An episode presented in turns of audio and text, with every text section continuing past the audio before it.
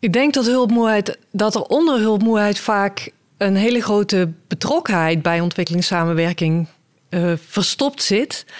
En dat mensen gefrustreerd zijn geraakt. En eigenlijk heel graag willen helpen, maar zo moedeloos zijn geworden door, door de boodschappen die ze, die ze meekrijgen. Welkom bij Doorkast. Dag lieve luisteraar. In deze aflevering luister je naar deel 2 van een gesprek met Betty Hoekstra, marketeer bij Doorkas, en Mirjam Vossen, mediawetenschapper. Heb je deel 1 nog niet geluisterd, dan is het handiger als je dat eerst doet. In dit tweede deel van ons gesprek gaan we wat dieper in op het onderzoek dat Mirjam in 2020 heeft uitgevoerd voor Partos. Partos is de branchevereniging voor ontwikkelingssamenwerking en samen met nog een aantal andere leden heeft Dorcas meegedacht bij het onderzoek van Mirjam. We bespreken met haar wat de resultaten zijn van haar onderzoek, maar eerst is het natuurlijk handig om te weten hoe zij dat onderzoek heeft uitgevoerd. Zou je dat nog eens kunnen toelichten, Mirjam? Het waren focusgroepgesprekken. Dus ik, het waren groepsgesprekken waarin mensen bepaalde uitingen van campagnes van ontwikkelingsorganisaties te zien kregen. Stukken tekst en beeld. En vervolgens uh, hadden ze even tijd om dat te lezen. En vervolgens uh, peilden we gewoon wat, wat komt er in je op? Wat zijn je eerste reacties? En daar kwam uit? Dat, bij, dat was bijna uh, consistent bij verhalen die vooral over problemen, ellende, et cetera gingen, dat mensen heel negatief reageerden en vooral geïrriteerd raakten. En reacties van, oh, daar gaan we weer en ik ken die verhalen en ik heb ze al zo vaak gehoord. En nou, dan kwam er een hele batterij aan negatieve reacties los. En dat gebeurde veel en veel minder bij verhalen waarbij minstens de helft, maar liever nog twee derde of drie kwart over oplossingen gingen, over verandering, over vooruitgang dan bleven mensen veel hoopvoller en reageerden ze veel positiever. Check, thanks. En een van de conclusies die mij het meest is bijgebleven, is dat jij in jouw onderzoek zegt: een positief verhaal werkt soms wel en soms niet. En een negatief verhaal werkt ook soms wel en soms niet. En waar ligt het dan aan of het dan juist wel of niet werkt? Het ligt aan de. Uh, ligt aan een aantal dingen. Puur aan de persoon. Dus dat, dat, dat mensen verschillen nu eenmaal in hoe dingen op ze overkomen. Um, een tweede wat een verschil maakt is of iemand al betrokken is bij een organisatie of dat hij helemaal nieuw is.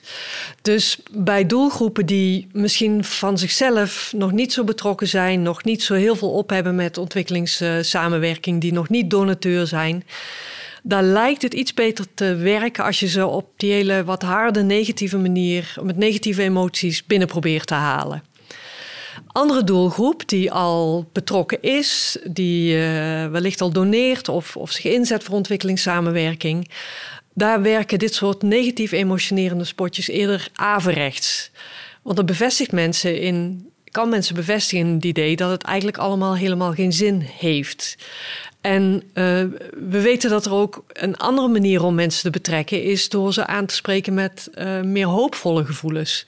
Um, en dat werkt voor die doelgroep die al wat meer betrokken is, werkt dat over het algemeen veel beter dan zo'n heel negatief verhaal. Ja, want we hebben, we hebben het nu over positief of negatief. Kun je eens voorbeelden geven van wat zijn nou negatieve emoties die je kunt oproepen? Schuldgevoel is er. Uh, uh, is eigenlijk de, ja, de belangrijkste is drijfveer om dan over te gaan tot doneren is schuldgevoel. Wat het spotje wat we net hoorden, dat, dat zal dat oproepen en dat zal triggeren om, om te doneren.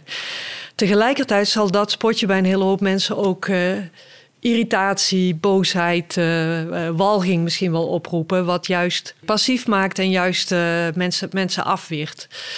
Ehm, we weten dat je dus mensen ook kan betrekken bij ontwikkelingssamenwerking met, met een andere emotie, veel positievere emoties. Vooral hoop is een hele belangrijke. Dus als je mensen een gevoel van hoop geeft, ook dat kan aanzetten om te doneren en om betrokken te raken. Dus uh, ja, mooi. dat kan ook. Ja. En dat is in elk geval veel aangenamer om ook om naar te kijken en naar te luisteren. In jouw onderzoeken heb je het ook vaak over hulpmoeheid. Kun je nog eens toelichten wat je daarmee bedoelt? Ik denk dat hulpmoeheid, dat er onder hulpmoeheid vaak een hele grote betrokkenheid bij ontwikkelingssamenwerking uh, verstopt zit. Um, en dat mensen gefrustreerd zijn geraakt. En eigenlijk heel graag willen helpen, maar zo moedeloos zijn geworden door, door de boodschappen die ze, die ze meekrijgen. eh, dat ze het gevoel hebben dat ze niks meer kunnen doen. En het is een soort afweerreactie, die hulpmoeheid. Van ik wil wel betrokken zijn, maar ehm, dit maakt me zo moedeloos. Grappig, want dat is dus, denk ik, wat ik dus met het woord klimaatcrisis heb. Dat is interessant, want ik, ik zie hetzelfde patroon. Het, ehm, het is bedoeld dat, dat alarmeren, ook rond, rond klimaatverandering. Uh, kun je misschien wel parallellen zien in het alarmeren rond wereldwijde armoede. Vanuit de gedachte van als we vooral maar laten zien hoe erg het allemaal is, dan zullen mensen wel uh, geschokt raken en overeind komen en zich in gaan zetten. Voor een deel klopt dat. Een aantal mensen, daar werkt dat zo bij. Maar wat ik zag in elk geval in dit onderzoek, was dat het voor een heel groot deel van de mensen precies de omgekeerde reactie had. Op het moment dat er te veel, het negatieve verhaal, ja, te, te veel werd, te groot werd, dan zag je, zag je ze gewoon wegsnappen en uh, inzakken en, en afweerreactie vertonen. En wat hier ontbreekt is uh, die andere emotie die ook zo enorm belangrijk is. Uh, dat je mensen hoop biedt, een perspectief biedt. Maar wat ik zag in mijn onderzoek is dat je dat dat dat is waar mensen enthousiast van worden. Dus dat moet je je verhaal vooral over laten gaan. Ja, dus eigenlijk letterlijk in de hoeveelheid tekst die je gebruikt, meer aandacht hebben Precies. voor de oplossing. Dat is een, is een heel, heel, letterlijk gewoon puur kijken naar hoeveel van je boodschap gaat over negatieve dingen en hoeveel gaat over uh, verandering en vooruitgang. Dat, dat, kan je bijna gewoon. Uh, kleur je zinnen maar of, uh, of tel je minuut of seconden maar. Uh, maar er waren ook een aantal ingrediënten in het verhaal die heel erg belangrijk waren. Mensen raakten, werden enorm enthousiast van verhalen die over uh, verandering van onderop gingen. Mensen in ontwikkelingslanden die zelf bezig zijn om uh, hun leven beter te maken. Dus transformatie. Dus niet het verhaal dat de hulporganisatie het kon doen, zoals van help ons en wij gaan dit allemaal doen. Um, maar als je laat zien dat uh, meisjes, jongens, mannen, vrouwen uh, ter plekke bezig zijn om dat zelf te doen, dat, dat vonden mensen veel en veel inspirerender. Dus die, die transformatie, uh, die deed het heel goed. Een tweede element wat het heel goed deed, is dat je, wanneer het verhaal al laat zien, dat er al iets is bereikt en dat er al iets is gelukt, dat er al iets is gebeurd. En er zijn al heel, ja, heel simpel. er zijn al zoveel kinderen naar school en nu de volgende honderd of duizend nog. En je ziet dat heel veel boodschappen alleen maar gaan over wat het toekomstplan is. En terwijl als je juist vertelt van hé, hey, maar dit hebben we de afgelopen jaren al voor elkaar gekregen. Ik zag in het onderzoek, in die focusgroepgesprekken, dat mensen dan echt verrast waren. Oh, oh, nou kijk. En dat gaf ook uh, dat gaf vertrouwen. Van oh, kennelijk kunnen ze dit voor elkaar krijgen. Dus als ik hieraan doneer, dan heb ik kans dat ze gewoon nog veel meer voor elkaar krijgen. Ja, dus als je een succesvol project hebt waarvan je denkt van dit werkt in deze gemeenschap en we zijn hier super enthousiast over, willen het opschalen, ja. dat zou een super mooie campagne zijn. Dat, dan heb je kans dat, denk ik, grotere kans dat mensen enthousiast raken dan wanneer je zo'n heel negatief, vooral dramaverhaal uh, vertelt over hoe erg het allemaal is. Ja, en daarmee positioneer je je organisatie natuurlijk ook beter. Ja. Dus uh, als je, als je die, dat positieve effect laat zien. En daarmee uh, hebben mensen ook het idee van... hé, hey, wacht eventjes, hier moet ik zijn als, als er iets bereikt moet worden. Ja, ja want bij Doorkas uh, eventjes uh, onszelf onder de loep nemen. Wat, waar, zouden voor ons bijvoorbeeld nog leerpunten zitten? Of wat, wat zijn voor jou de eye-openers uh, naar aanleiding van de, het onderzoek... Hè, wat Mirjam bijvoorbeeld laatst bij ons bij Dorks presenteerde? Ja, ik, ik dacht eigenlijk dat wij dit al op deze manier... doen. Tenminste, ik let er altijd wel op, maar ja, het, het, blijkbaar uh, bleek uit onze uh, training dat, dat, dat het toch ja, dingen negatief geframed zijn. En dat zit vooral in hele kleine nuances. Dus in hoe je bepaalde dingen um, voor het voetlicht brengt. Dus een klein huisje bijvoorbeeld, of een, dat het heel donker is. Of ehm, nou, ik, dat verhaal wat ik helemaal aan het begin vertelde van die granny. dat is ook een beetje zo'n verhaal van helemaal ja, je creëert een setting die eigenlijk heel terug is al. Ja, precies. En dan moet je er nog op een of andere manier een hoopgevend verhaal van maken. Want dat heb je dus, je, snap, je hebt die theorie wel in je gedachten van dit moeten we doen, maar dat lukt dus niet. Ja. Dan wordt die sprong opeens is dan te groot.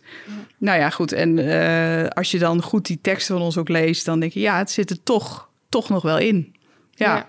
Het is wel, eh, moet ik zeggen, een stuk verbeterd. En Dorcas bestaat 40 jaar en daarom heb ik ook wat, wat oude materialen van ons van eh, begin jaren 80 eh, erbij gepakt. Zie je, zie je verandering? Ja, heel erg. Oké. Ja. Maar dat heeft denk ik ook te maken met hoe de wereld, ja, die, onze sector ook meer naar, eh, naar ons eigen werk is gaan kijken, maar ook hoe de wereld eh, dat meer is gaan zien, denk ik wel. Ja, Ja. ik bedoel, het is ook nog helemaal niet eens als je echt naar de geschiedenis kijkt. Het is eigenlijk niet, helemaal niet zo lang geleden dat, dat we in een koloniale wereld leefden. Nee. Waarin was het eigenlijk heel normaal om, om zo ongelijk om mensen ongelijk te benaderen. En daarin is natuurlijk heel veel veranderd. Maar ehm, zijn we daarin al voldoende veranderd, denk je, zeg maar? Of, of hebben we stiekem nog best wel... dragen we nog veel van ons koloniale verleden met ons mee? Ehm, dat, dat beeld van de, de, de, de witte redder eh, is, is denk ik toch nog best wel sterk aanwezig. In, eh, eh, terwijl ik weet dat geen enkele ontwikkelingsorganisatie dat, dat wil. En het zit, dat is niet, niet per se de schuld van ontwikkelingsorganisaties. Maar ik denk dat dat bij generaties gewoon nog in het, in het collectieve geheugen zit.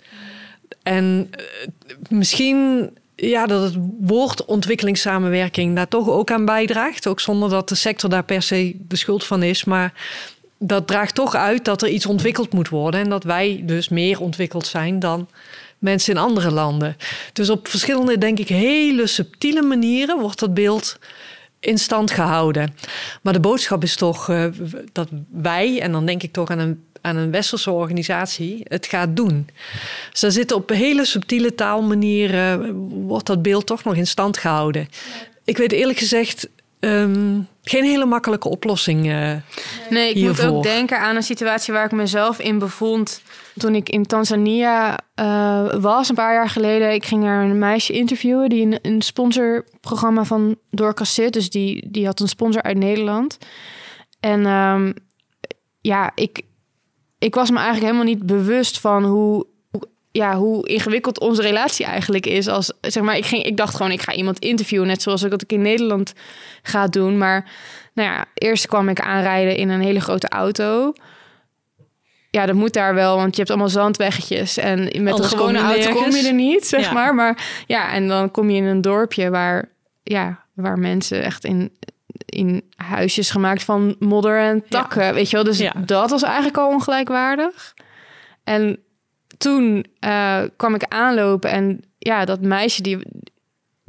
Ja, ik, ik schaam me gewoon om het te zeggen, merk ik. Maar de meisje die viel op haar knieën om het te bedanken. Ik dacht echt, oh, dit hoeft niet. Maar ehm, ja, ja, zij, ja, zij was gewoon dankbaar. ja, En van mij hoeft het dan niet. Maar het is ook lastig om, om dat te communiceren of zo. Ja, dus ik herken dit heel erg. Ik, ik, ik kom eh, vaak in Malawi, waar ik ook vaak een tijdje woon.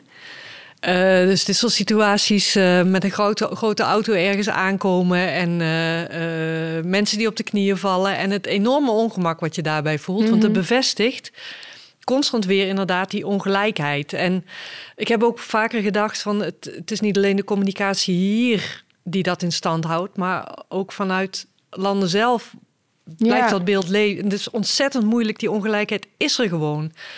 Eh, ik ben stinkend rijk, jij bent stinkend rijk. Het is natuurlijk, ja, Het is eigenlijk belachelijk. het is belachelijk, maar maar het is wel zo. het is zo. En dat schuurt. Ja. En er is gewoon geen makkelijke oplossing. Nee. Je zou kunnen denken over manieren om de ergste kantjes eraf te halen. Maar ja, sommige mensen die, die voor sommige mensen is dit, die vinden dit zo bezwaarlijk dat ze zeggen we moeten daar helemaal wegblijven. Maar dan kan je ook niks voor mensen betekenen. Precies, Dat dan ja. gooi je het kind met het badwater weg. Ik vind het zelf een heel moeilijk.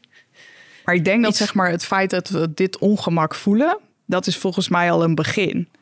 Dus als je, er is ook een tijd geweest, of ja, misschien gebeurt het nog steeds wel, eens, dat mensen daar komen en ze maken dat mee, eh, dat ze dat dan juist profileren en laten zien van kijk eens hoe dankbaar ze met ons zijn.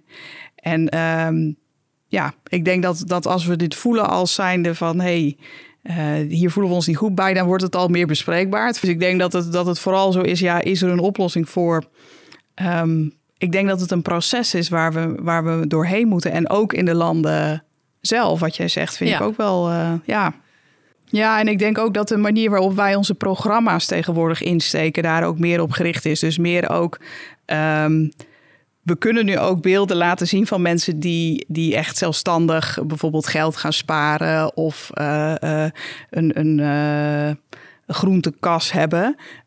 Omdat we dat ook echt stimuleren in onze programma's. Ja, eigenlijk de beste boodschap die wij nu kunnen hebben op dit moment, of kunnen communiceren, is: ehm, wij hebben onszelf overbodig gemaakt. Ja, En deze Ja. mensen die gaan door met het project. En wij kunnen zeg maar door naar de volgende plek waar, waar deze omstandigheden zo en zo zijn. ja, en die mensen zijn daar ook eh, trots op en die willen dat ook laten zien. Ja, en het is een goed ding, een mooi ding als je inderdaad eh, je, je wel bewust bent van wat breng je naar buiten. Want jij bent in zo'n dorp en je komt bij zo'n meisje, maar eh, vervolgens ga jij en jij, Betty, een verhaal daarover vertellen. En dan is het gewoon mooi als je de veranderkracht van lokale mensen, lokale organisaties laat zien en jezelf niet de hoofdrol geeft in het verhaal. Dat zou, ja, dat zou een, mooi ding zijn. Ja, ja, ik heb nog een casus meegenomen. Eh, ook een casus die we al eerder hebben besproken met ons team toen we laatst. eh, eh, nou, na die eh, training hadden we, hebben we geprobeerd concreet naar onze eigen verhalen te kijken en daarop te reflecteren. Ehm, en het, eh, het is een verhaal dat ik dus ook heb geschreven in Tanzania van een meisje in een sponsorprogramma, maar dan wel een ander meisje als waar ik het net over had. Ehm, maar ik had haar ook ontmoet bij haar thuis en ehm, nou ja, vergelijkbaar denk ik met wat Betty net vertelde. Nadat ik haar had gesproken, was ik best wel uit mijn doen. Ehm, ja, ik was aan de ene kant geïnspireerd en aan de andere kant ontmoedigd. En het is heel erg lastig om, om het verhaal op papier te krijgen. Dus ik, ik ben benieuwd om. eh, ik zou het leuk vinden om met jullie te kijken van hey, hoe, hoe, had ik dat, hoe kan ik dat aanpakken of had ik dat aan kunnen pakken toen? Ehm, dit meisje was haar moeder verloren en ze had geen familie meer. En door alle rouw eh, was zij dus ook nog eens gezakt door, voor haar schoolexamens. En dat betekende eigenlijk dat ze in haar eigen ogen haar kans op een goede toekomst had verspeeld. Ehm, en ehm, nou ja, de- eh, onze doorkastcollega die heeft eh, in gesprek met de school voor eigenlijk haar geholpen om toch een tweede kans te geven. En ehm, eh, dus ze kon weer naar school en weer, weer bouwen aan haar eigen toekomst. En na die ontmoeting vond ik het dus echt super gaaf dat Dorcas eh, nou ja, bestaat voor mensen zoals zij. En tegelijkertijd drong het ook juist heel erg tot me door dat het. ehm, dat wat je ook doet, echt niet alle wonden kun je helen of, of littekens weghalen, zeg maar. Ehm, die, die bepaalde verliezen of trauma's met zich meebrengen. En dit meisje was gewoon echt nog zo'n jong en onschuldig meisje. En helemaal zonder familie en in een kansarme omgeving. Ja, het raakte me gewoon. Ja. Ja, het is mooi dat je dat weer zo, eigenlijk weer zo voelt als je het Ja. zo eh, omschrijft. Ja, Ik, ik zag haar echt zo van... Het is echt heel gaaf wat Dorcas doet, maar het is ook echt heftig voor haar. En wat we ook doen, het, het zou misplaatst zijn om, om hè, als verhalenmaker van Dorcas... een soort succesverhaal te maken over hoe gaaf het is dat Dorcas daar is... terwijl het toch echt heel gaaf is dat Dorcas daar is. Zo. Ja, je, dat laatste bedoel je zo van, het, het wordt nooit helemaal perfect, dus dat moeten we ook niet op die manier claimen. Nou, het, wat, ik, ja, is wat ik zeg, het voelde gewoon misplaatst om een verhaal te schrijven überhaupt. Omdat je in een verhaal toch ook wil laten zien van... ehm, nou ja, wat, wat de impact is van ons werk. Terwijl... ehm, Je had haar meer gegund. ja, ik zag gewoon dat haar leven echt niet in één keer eh, heel erg goed of leuk zou Nee, zijn. het, ging, het ging gewoon eigenlijk niet goed met haar. Nog steeds niet. Nee. Nee. Maar misschien, eh, kijk, misschien was dit verhaal dan ook gewoon wel een verhaal wat, wat heel erg mag raken en ook heel erg raakt, maar misschien niet gebruikt zou moeten worden voor een fondsenwervende campagne. Misschien is dat wel de conclusie dan. Ja, Ja, de, ik zit. eh, paar dingen te denken, Mhm. Lisanne. Ik, ik vond dat je het heel mooi had, had opgeschreven. Ik heb het gelezen, het, eh, het verhaal. Eh, maar het wringt inderdaad bij wat ik net zei... dat, men, dat, het vooral, dat mensen heel erg geïnspireerd kunnen eh, raken... door verhalen van verandering van onderop. En dit is niet een meisje wat, eh, wat daar het toonbeeld van is. Dat, dat kan ze gewoon niet. Dus het zou ook inderdaad, en daar ben ik met je eens... echt niet eerlijk zijn als je dat ervan zou willen maken. Dus ik denk dat je best kan laten zien eh, dat dit er is. Ik zou eigenlijk, ja, ik zit eigenlijk aan twee dingen, twee manieren te denken. Eigenlijk vind ik het wel heel mooi zoals jij zelf vertelt, hoe, hoe je ermee worstelt. En ik zou denk ik heel, ik weet niet of het dan een fondswervend verhaaltje zou worden, maar in een nieuwsbrief of een stuk van Dorcas zou ik het eigenlijk wel heel integer vinden om dit te lezen. Hoe, dus eigenlijk precies wat je ons nu vertelt, dat vind ik eigenlijk heel mooi. Hoe, hoe, hoe, hoe moeilijk je het zelf vindt om daar een verhaal van te maken. Dus dat Ja. is één ding wat ik denk. Een tweede is dat ik nog steeds denk dat er wel degelijk een hele iets heel positiefs in dit verhaal zit, of een hele positieve iets in zit wat wel degelijk over verandering gaat. En ik herinner me een kleine rol in dit verhaal eh, die de buurman van het meisje had. Die Ja, zich heel erg om dit meisje bekommerde. Nou, wat jij gekozen hebt is om in jouw verhaal dat meisje de hoofdrol te geven. Nou, dan, dan, dan, dan blijft het een, een, een triestig verhaal. Het is gewoon niet anders. Maar wellicht zou je ook een vorm hebben kunnen kiezen waarbij juist de buurman of misschien de lokale dokkersmedewerker een belangrijkere rol had. Want die waren wel de change agents, om maar eventjes zo'n eh, zo'n eh, jargonwoord te gebruiken. Change agent is een... Verander, ja, de, iemand die de verandering eh, meehelpt. Ja, eh, in beweging helpt te krijgen. Ja. Dus je, een andere optie zou zijn om een andere hoofdrolspeler te kiezen. Ja. Ja, klopt. Die buurman, die eh, achteraf dacht ik ook... oh ja, ik had hem misschien ook wat uitgebreider moeten interviewen. Ja. Ja, en wat ik, wat ik ook nog zelf zat te denken is... misschien zou het gewoon heel erg gaaf zijn. Want ze, kijk, zij kan... Zij zat op dat moment in een periode van rouw en verlies. Ehm, maar zij mocht wel weer naar school. En het zou wel echt gaaf zijn als je haar bijvoorbeeld tien jaar later of zo nog kunt Ja. spreken. En haar Ja. dan kunt vragen van... hey, op dat cruciale moment waarin jij dacht dat, eh, dat je... Dat je, ja, dat je je, je kansen hè, op een goede toekomst eh, verspeeld had, eh, kon je toch naar school blijven gaan. En waar heeft dat je nu gebracht? Ja, en wat misschien, heeft het betekend? ja, Ja. misschien dat ze dan toch, weet je wel, een, na één of twee jaar, ehm, ja, misschien juist wel weer die, die, die kracht in zichzelf vond om echt aan de slag te gaan en te bouwen aan haar eigen Ja. toekomst. En daar speelt school natuurlijk wel een hele grote rol in. Dus misschien was het momentum ook wel.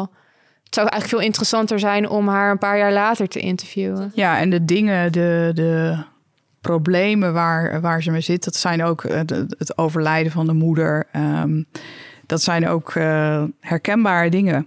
En het is dus ook, het is ook logisch dat Dorcas eh, daar niet zomaar die rouw weg kan nemen. Ehm, maar het, ze staat er nu in elk geval niet alleen voor. Dus ik denk dat dat eh, voor mensen ook goed is om dat ook te lezen. Van het, is, het is soms inderdaad complexer, omdat je ook mensen daar maken dingen mee die, die hetzelfde zijn als hier. Dus eh, het is logisch dat dat meisje niet altijd maar.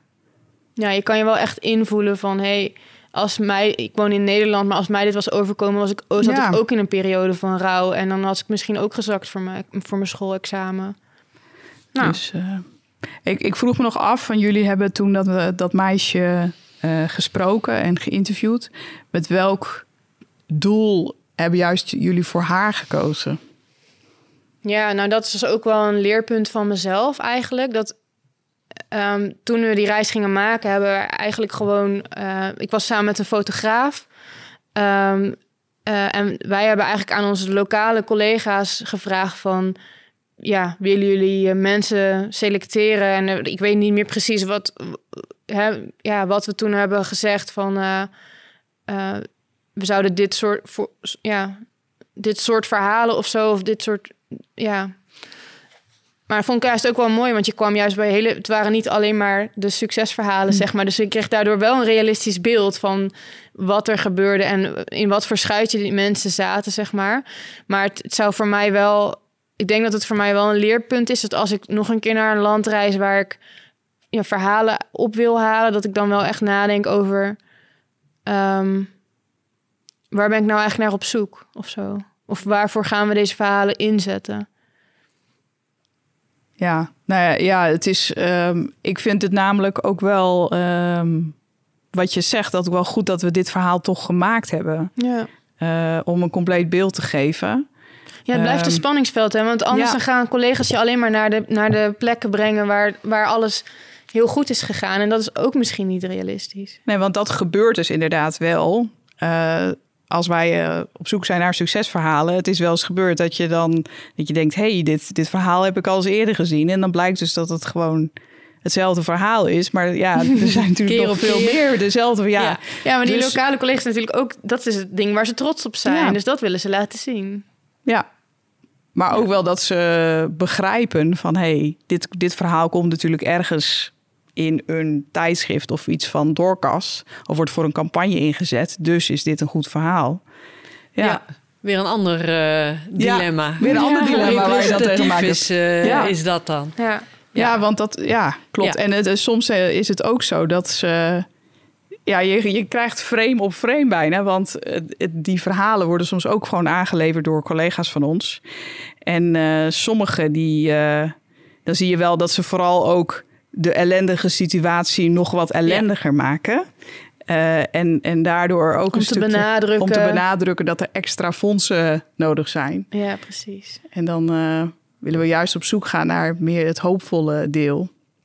En anderen die laten dan weer Ja. juist de mindere dingen weg. Dus eh, Ja, ja, een goede briefing is natuurlijk ook wel, eh, wel belangrijk of zo. Van, het, mag, het, is, het, mag, het mag gewoon het eerlijke verhaal zijn, eh, inclusief alle ja. uitdagingen. En, eh, ja, want dat is het voordeel van zelf zo'n verhaal halen. Of zelfs zo'n Ja. verhaal optekenen.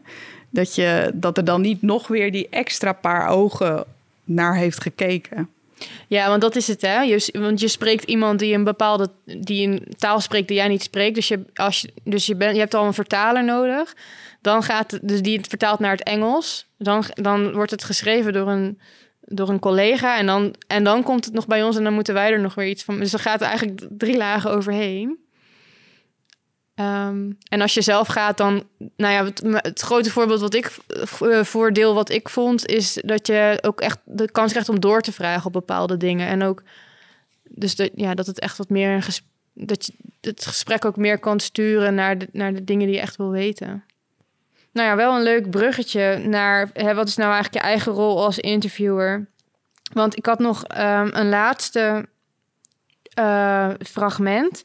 En dat komt uit de documentaire Stop Filming Us van Joris Postema.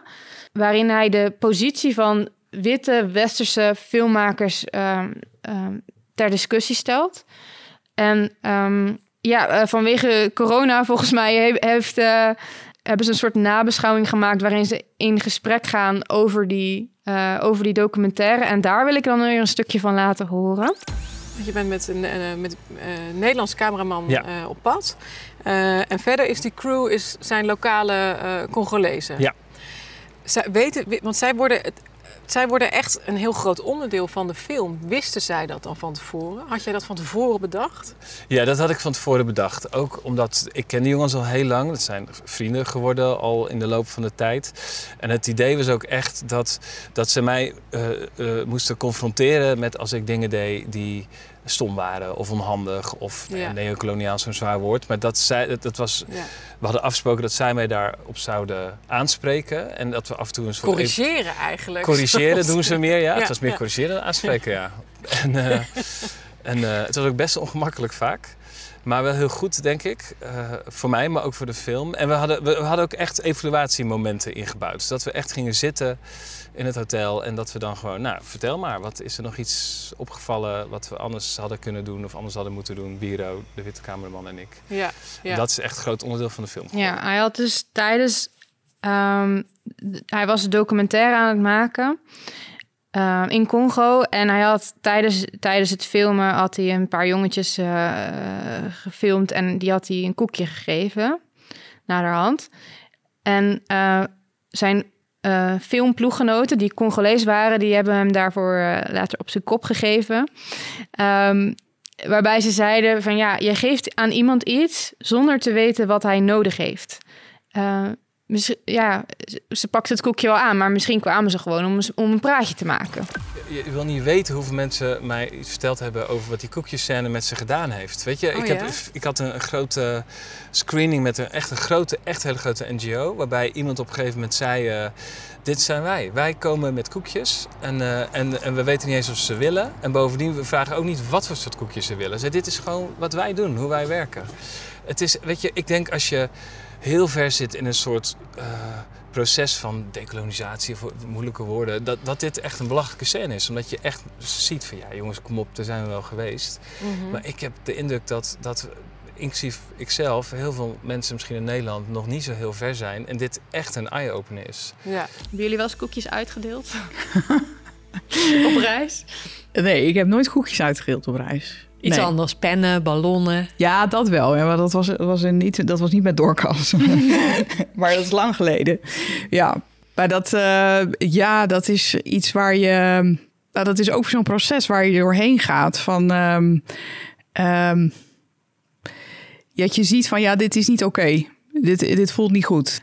Ehm, eh, dat je ziet van, dit, dit, eh, dit doet meer kwaad dan goed. En ehm, het maakt je voor je gevoel zelf nog rijker en die mensen nog meer armer. Het is ook weer beeldvorming, hè? Als je dan als Ja. blanke daar iets weggeeft, dan, eh, Ja, dan krijgen zij dus, dan krijgen die mensen daar dus ook weer het beeld van, oh ja, ze zijn echt heel rijk. exact. Ja, dus dat, eh, kijk, dat is een beeld wat, wat, eh, nou ja, wat dan niet per se in, eh, op onze in, in, in brochures of zo kwam, Eh, maar wat wel, eh, ja, wat je daar wel achterlaat Ja, en waar je dan wel weer over nadenkt. ja precies. Ja. De beeldvorming daar, zeg maar. Beeldvorming daar. Ja. En dat, dat kan er dan weer voor zorgen, potentieel, dat mensen zich toch weer meer afhankelijk gaan opstellen. Uiteindelijk denk ik dus, dat was mijn eye-opener na, na het zien van deze nabeschouwing, is misschien moet de vraag niet zijn, mag ik wel of geen koekjes uitdelen, maar eerder, ben ik eigenlijk wel de juiste persoon om dit verhaal te maken? Of zou, zouden we niet aan andere mensen moeten vragen om, mensen vandaar moeten vragen om, een, om de verhalen te maken? Snap je? Dat is een vraag Ja. waar ik nu over aan het nadenken ben. Of je dan niet veel betere verhalen van krijgt Ja, uiteindelijk. dus dat niet ehm, hij, die, die blanke documentairemaker, daar rondliep, maar dus die, die cameramensen. En dat die, eh, ja, ik kan me voorstellen dat het een heel ander beeld geeft. Ja, dat is wel een goeie. Ik, eh, ik zou het wel, want dan krijg je dus wat we net ook zeiden, dat er minder dubbele die framing in zit. Je zou eens een keer eh, gewoon lokale gemeenschap met camera's en zo. Breng, breng ons leven in beeld. Volgens mij krijg je gewoon veel meer plezier en lol. En, eh, en heel veel menselijke dingen die je zelf ook zo vastliggen als je. Ik denk Bij dat het familie op blik bezoek gaan eh, eh, zeker kan verbreden. Ja. Heb jij wel eens koekjes uitgedeeld? Nee. Althans, misschien heb ik dat wel ooit gedaan, maar niet. dit, dit, nou, dit, eh, deze vraag komt eigenlijk dichterbij dan, dan je misschien zou denken. Ik ga al, al heel lang neem ik van tijd tot tijd groepen Nederlanders mee naar Malawi. En eh, organiseer ik ook groepsreizen door het land. En in de voorbereidende sessie is dit een punt.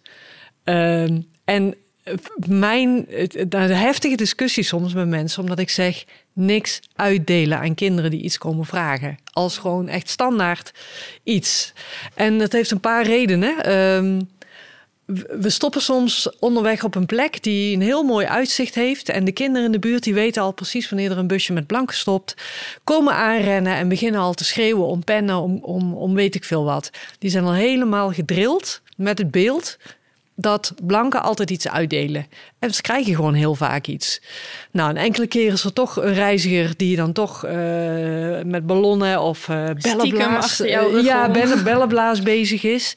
En dan wordt het gewoon, nou, en eh, binnen de kostenkeren staan er geen drie kinderen voor jouw drie bellenblazen, maar staan er echt 50 om je heen. En wat ga je dan doen? Dat, wordt, ja, dat gaat niet goed. Dus, maar goed, dat is nog een praktisch ding. Maar het belangrijkste voor Je mij bedoelt, dan is... krijgt het ene kind wel iets en het andere Ja. kind niet. En ja, dat, dat is kan je niet meer eerlijk doen. Dat gaat gewoon niet. Eh, maar belangrijker vind ik nog dat we hebben het inderdaad net wat jij ook zegt, Betty, over beeldvorming, over dat stereotype beeld van de hulpverlener versus degene die het minder heeft. En, en je zou zo graag willen dat dat meer gelijkwaardig beeld wordt. Dan moet je stoppen met dingen zomaar uitdelen. Waarbij komt dat het ook natuurlijk totaal niks structureel eh, oplost of bijdraagt. Ja, precies. Een deel van ons programma was altijd dat we bij een, bij een school op bezoek gingen met drie, vier, vijfduizend leerlingen. Eh, nou, dat is. En we wilden als groep, we gingen dan praten met een aantal onderwijzers en we mochten in een paar klassen kijken en we hadden een gesprek met, eh, met, met een paar betrokkenen bij de school. En we wilden graag iets voor de school eh, doen. In dit geval was het, klopte het wel, want het was een soort van wederdienst. Maar per se niet dingen uitdelen aan kinderen. Dus wat we deden is, dan brachten we gewoon een, eh, bijvoorbeeld een, eh, een emmer verf mee om de schoolborden te verven. En dat was ook, we vroegen ook eerst van God, wat is er nodig? Kunnen we ergens mee helpen? Kunnen we een cadeautje voor de school achterlaten als dank voor dat jullie ons eh, ontvangen? Nou, dan, dan kwam er zoiets ehm, vaak als antwoord waar gewoon de school iets aan had. En niet kleine presentjes voor kinderen. Want dus, eh, ook, zei ook het schoolhoofd van nou nee, daar moeten jullie niet aan beginnen. Want we hebben er hier 3000. Hoe wil je dat doen? Dat gaat toch niet, zegt hij. Dus eh, ook daar eh, werd door mensen in Malawi werd gewoon ook wel kritisch gereageerd op dat, eh, op dat uitdelen. Dus Dat is mooi. Ja, dat is heel mooi. luisteraars niet doen als je. Nee, en het is ook ehm, eh, voor zo'n groep is het ook leerzaam om die onderbouwing dan te horen van hé, hey, eh, eh, het, het is goed om die schoolbordverf is, is super belangrijk voor zo'n school. ja. Eh, dus dat, dat is uiteindelijk veel waardevoller. En ook die, die Nederlanders die nemen dat verhaal weer mee. En dat zorgt ook weer voor een eh, andere beeldvorming. ja. Ja. Dat is toch ook een beetje je missie dan? Ja, want jij eh, zei van je, het doel, mijn missie is inderdaad dat, dat x bedrag, wat dan aan het eind van het jaar. Dat is niet mijn, mijn hoofddoel, zeg maar. Mijn, Wat is jouw... eh, nou, mijn hoofddoel om, is gewoon dat mensen inzien van dat er dat het helemaal dat het ingewikkeld is om mensen te helpen, maar dat het niet onmogelijk is. En dat als we, als je gewoon iedereen kan daar een bijdrage in leveren in Nederland. Ehm, maar de, de echte verandering, dat is in de landen zelf. En dat moet door de mensen zelf gebeuren. is ook En, een eh, mentaliteitsverandering misschien. Ja, eh, aan beide kanten. Je zegt, hè, iedereen in Nederland kan iets bijdragen, maar dat hoeft niet per se in, eh, door middel van geld. Het kan op een heleboel manieren misschien wel. Ja, dat kan ook zijn door, eh, nou ja, goed, wij zijn een christelijke organisatie door te bidden. ehm, of door vrijwilliger te worden. Of door het verhaal te vertellen. door iets te delen, bijvoorbeeld op Facebook. Ehm, ja, dus dat kan op allerlei verschillende manieren. Ja. Ja, gaaf. Of zelfs al alleen al er bewust van te zijn, kun je al, eh, al bijdragen.